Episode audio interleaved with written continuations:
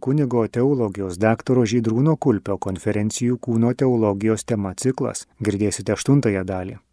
Pakalbėsime apie kokius dalykus įneša į žmogaus gyvenimą, tai nuodėmė. Tai yra, kaip turėsim omeny, pirmąją nuodėmę - Adomas ir Jėva. Nuopolis rojuje. Taigi, kaip skaitome pradžios knygoje, Adomas ir Jėva buvo nekaltumo būsenoje, o po nuodėmės įvyksta labai dideli pasikeitimai. Nuodėmė štai ką padaro. Žmogus tampa geismų žmogumi. Taigi galime išskirti pirmą poskirį tokį, kad nuodėmė duoda pradžią geismingumui. Po nuodėmės žmogaus širdyje gimsta geismingumas. Čia su tais terminais dar noriu pakartoti lotynišką terminą, kas tai yra geismingumas. Tai konkupiscencija, kad jau taip nemaišyti su tais vertimais. Taigi, gimsta geismingumas po nuodėmės, kuris užgneužia sąžinę ir leidžia aistroms laisvai karaliauti. Štai čia prasideda didžiulis problemos.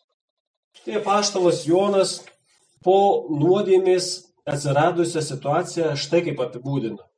Visa kas pasaulyje - tai kūno geismas, akių geismas ir gyvenimo puikybė.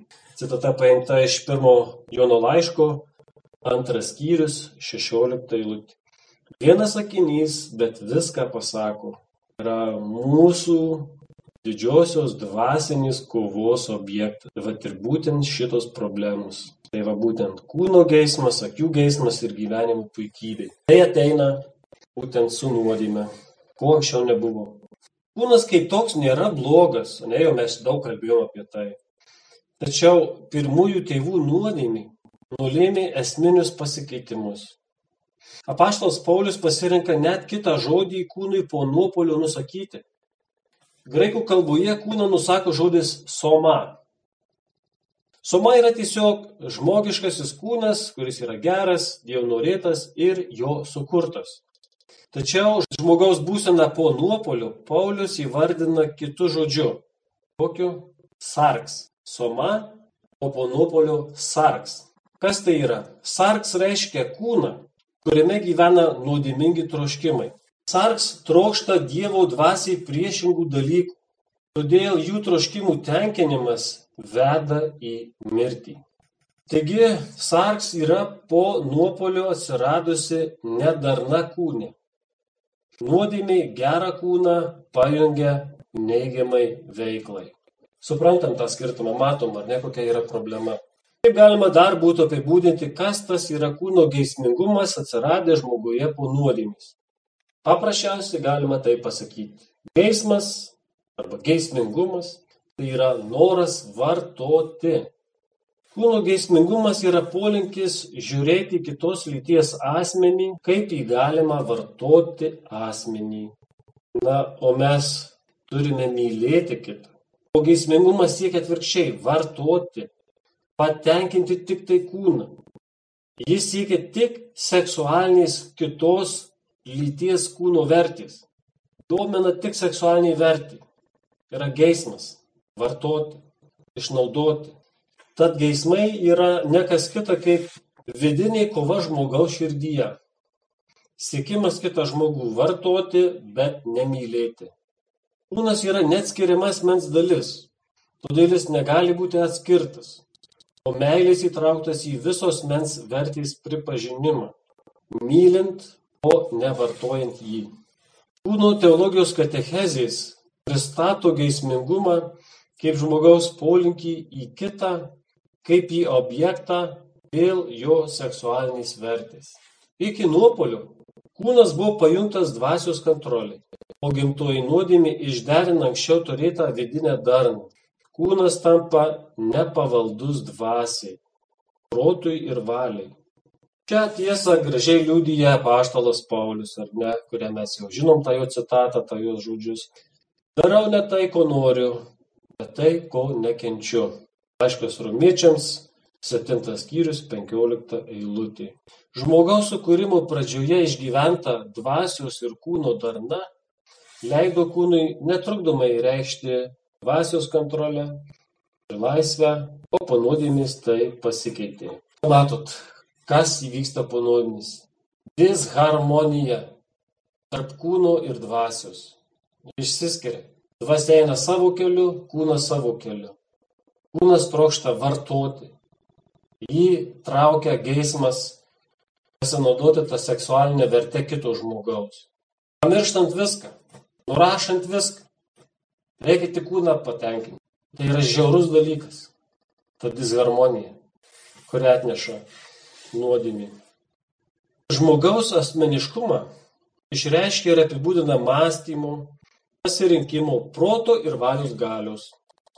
Jei kūnas išreiškia asmenį, vadinasi protas ir valia turi valdyti ir kontroliuoti kūną.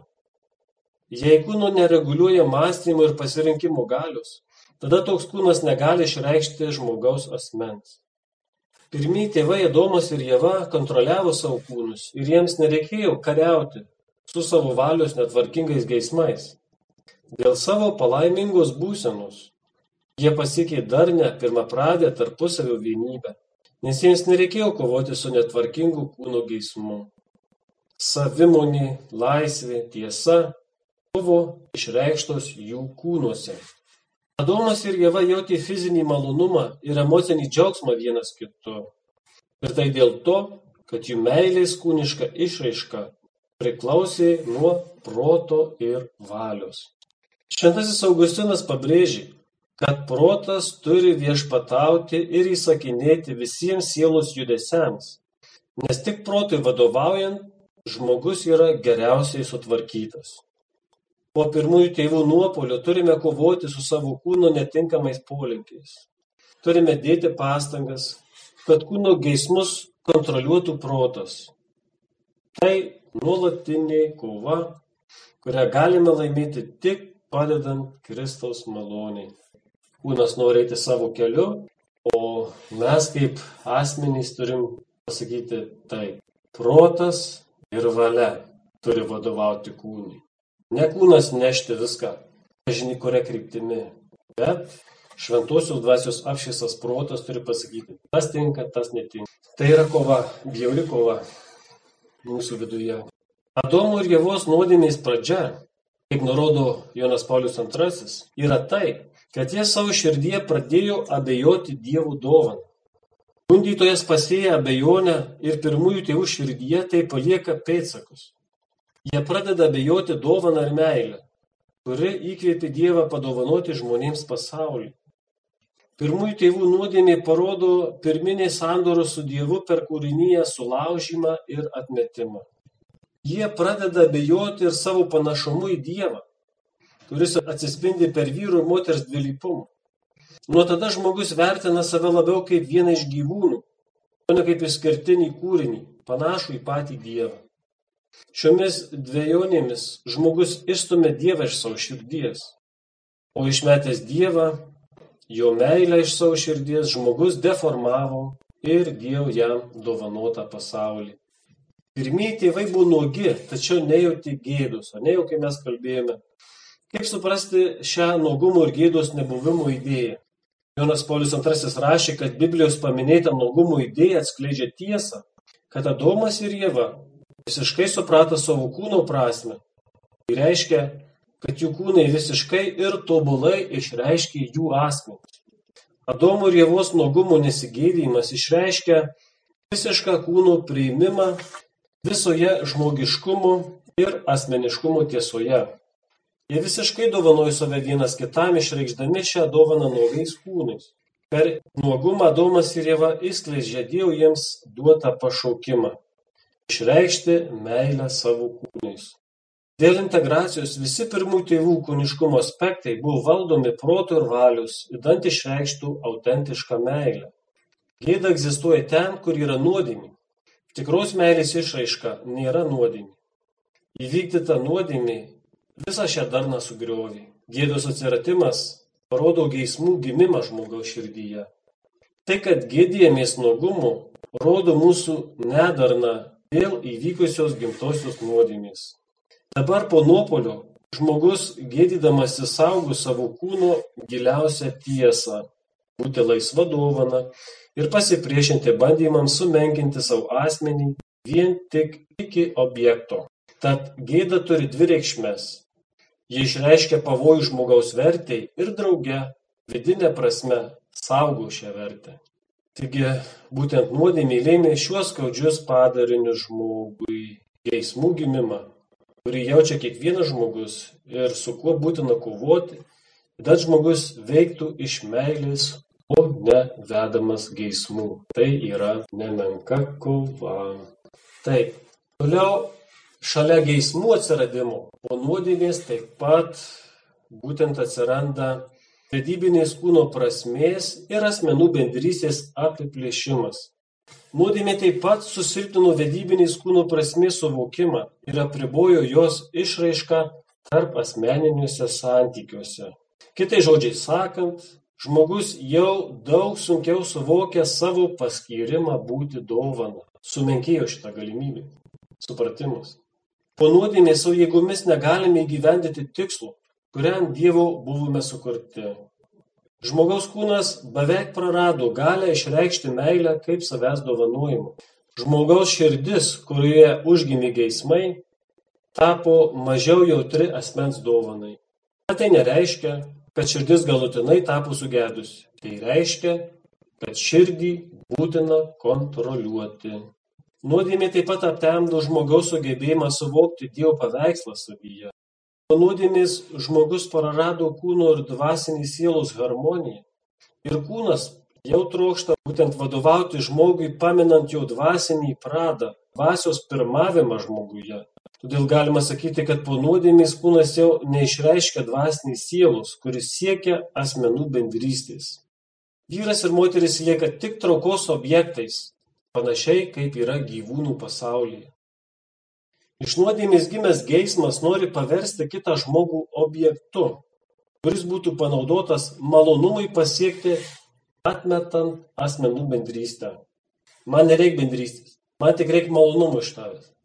Toks geismo įėjimas yra. Nuodėmės atnešta netvarka atskiria lytiškumą nuo žmogaus pašaukimo atspindėti Dievą per bendrystę. Nuširdžią savęs dovana geismas pakeičia į savęs ir savo patenkinimo ieškojimą. Žmogus pradeda naudoti kitą asmenį kaip objektą savo naudai, nors Dievas nuo pat pradžių numatė, kad žmogus mylėtų kitą žmogų dėl jo paties.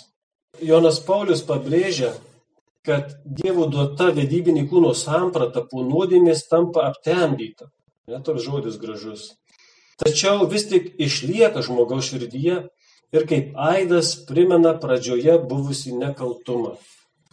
Iš tiesų galima kalbėti tik apie dalinį šios sampratos praradimą. Kūno prasmės suvokimas yra sutrikęs ir susimaišęs su geismais, kurie kartais lengvai paima viršų ir užvaldo kūną. Todėl, norint vėl iš naujo atrasti savęs dovanojimų prasme ir įgyvendinti tikrą vyro ir moters bendrystę, būtina nugalėti geismus, nes nuo to priklauso žmonijos gerovė. Gimęs kūno geismingumas iš esmės pakeičia vyro ir moters santykius. Jonas Paulius II teigia, kad pirmapradėje Adomo ir Jėvos bendrystė yra sugriaunama ir prarandama. Sulaužę meilį sandorą su Dievu, jie, Adomas ir Jėva, taip pat pasidalina tarpusavyje. Natūralią vienybę keičia susipriešinimas kuris išryškėja dėl jų lyčių skirtingumo. Pradžioje vyras ir moteris tarpininkaujant kūnui dėl lytiškumo sudarė tarpusavio vienybę, o po nuodėmės tarsi susvetimėjo ir susipriešino. Kūnas tapo sunkiai suvokiamas kaip tarpasmeniniais vienybės šalia. Juos traukia jau ne nuo širdį meilį, o visai kas kita - geismai. Kūno geismas atmesdamas asmenų bendrystę siekia patenkinti tik kūną Geismai pakeitė vienybės troškimą. Atsiradusi gėda rodo, kad vyras ir moteris savo kūnais jau nesugeba realizuoti asmenų bendrystės. Iš pradžios knygos teksto, kai Dievas tarė Jėvai, aistringai geisi savo vyro, o jis tave valdys, galima suprasti, kad aistra padaro moterį objektu, kurio trokšta po nuodėmės gimęs vyro akių geismas. Abipusiai meilės santykiai pasikeičia į savinimusi santykius, kilusius iš geismų. Vyro ir moters tarpusavio potraukis, paties kūrėjo dovana, pavirto noriu valdyti ir keisti. Vyro ir moters santykius keičia geismo ir dominavimo santykiai. Taip sugriaunama jų tarpusavio bendrystė, kurią formavo meilė ir abipusiai dovana. Geismai nekuria asmenų bendrystės, jie nevienyje, bet skatina asmenys savintis vienas kitą.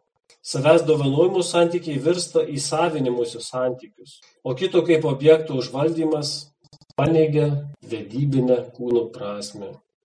Sugriauta pradinė vyro ir moters vienybė atskleidžia moters neligybė. Vyras pradeda valdyti moterį, o tai greuna vidinę bendrystės darną.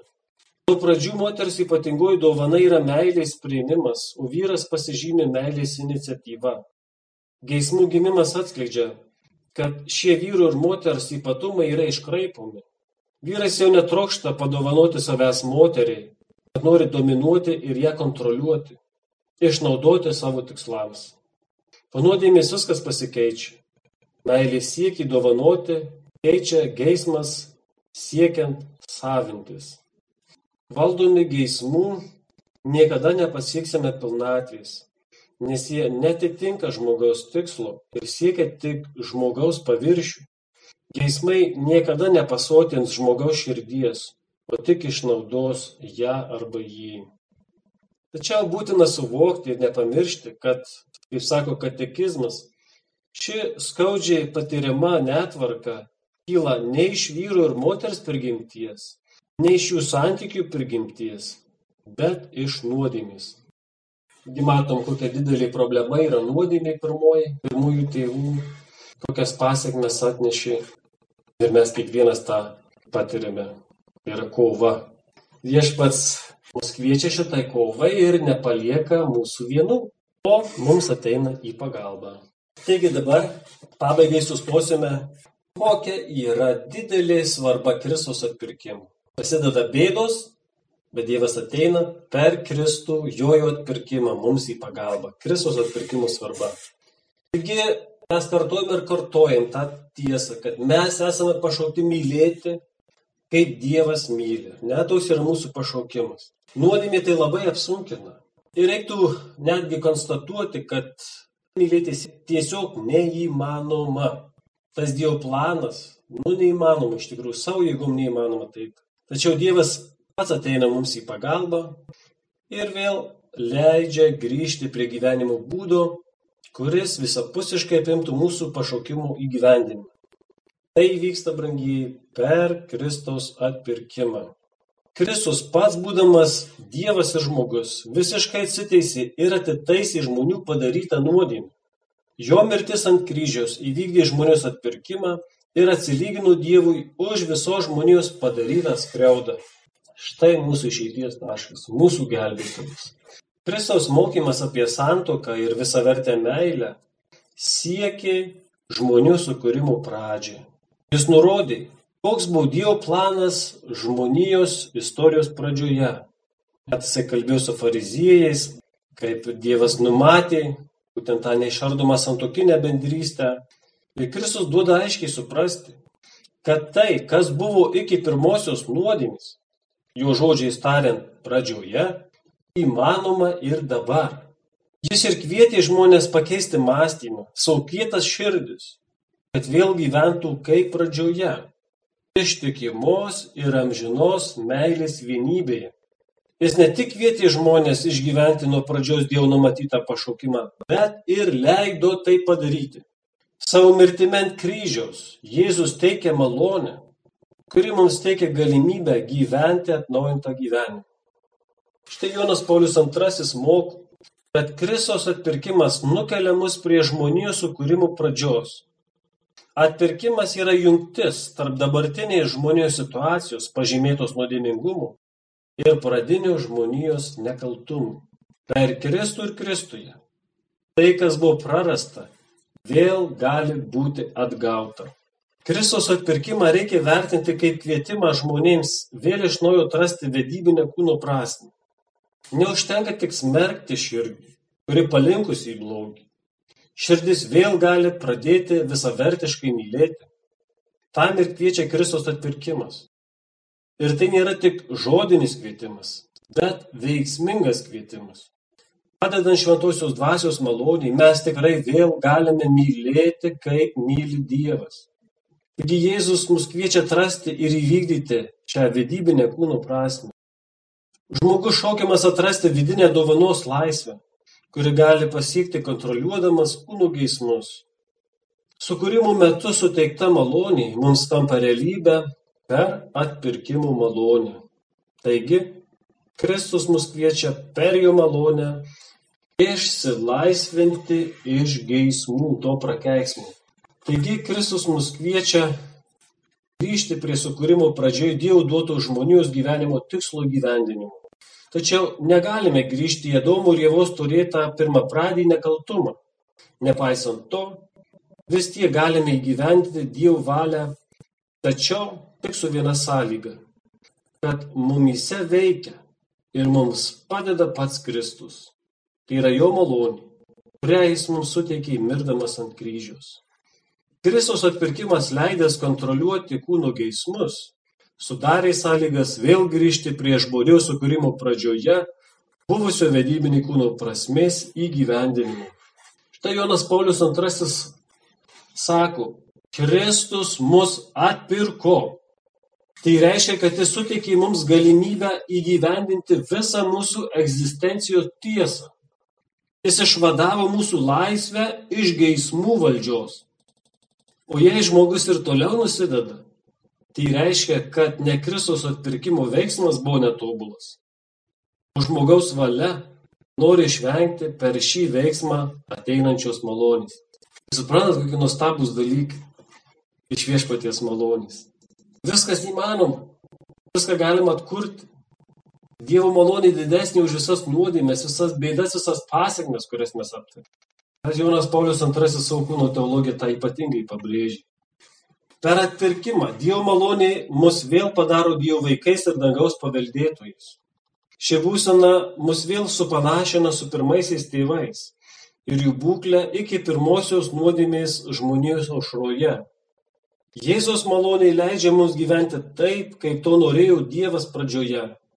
Pradžioje šį Dievo tikslą Adomui ir Jėvai buvo lengva įgyvendinti tarpusavio bendrystę ir meilę kaip savęs dovanojimą.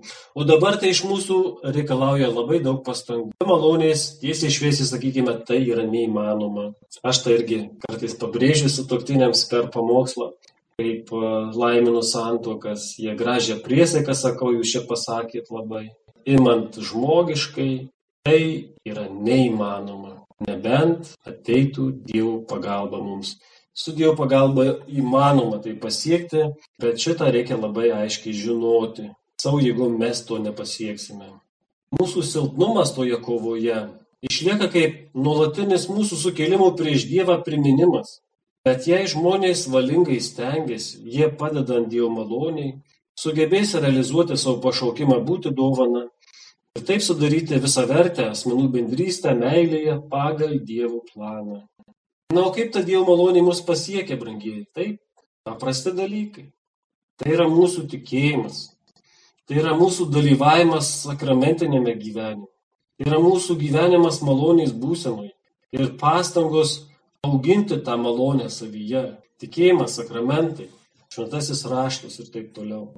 Taigi atpirkimas yra kaip sukūrimas iš naujo. Ne, čia Jonas Paulius tą pabrėžė. Atpirkimas kaip sukūrimas iš naujo. Dėl to atpirkimo vėl galime tarsi sugrįžę į sukūrimo pradžią įgyvendinti mums kaip įkūnytiems asmenims Dievo duotą tikslą. Ir čia išriškėja santokos sakramento kaip tokio svarba.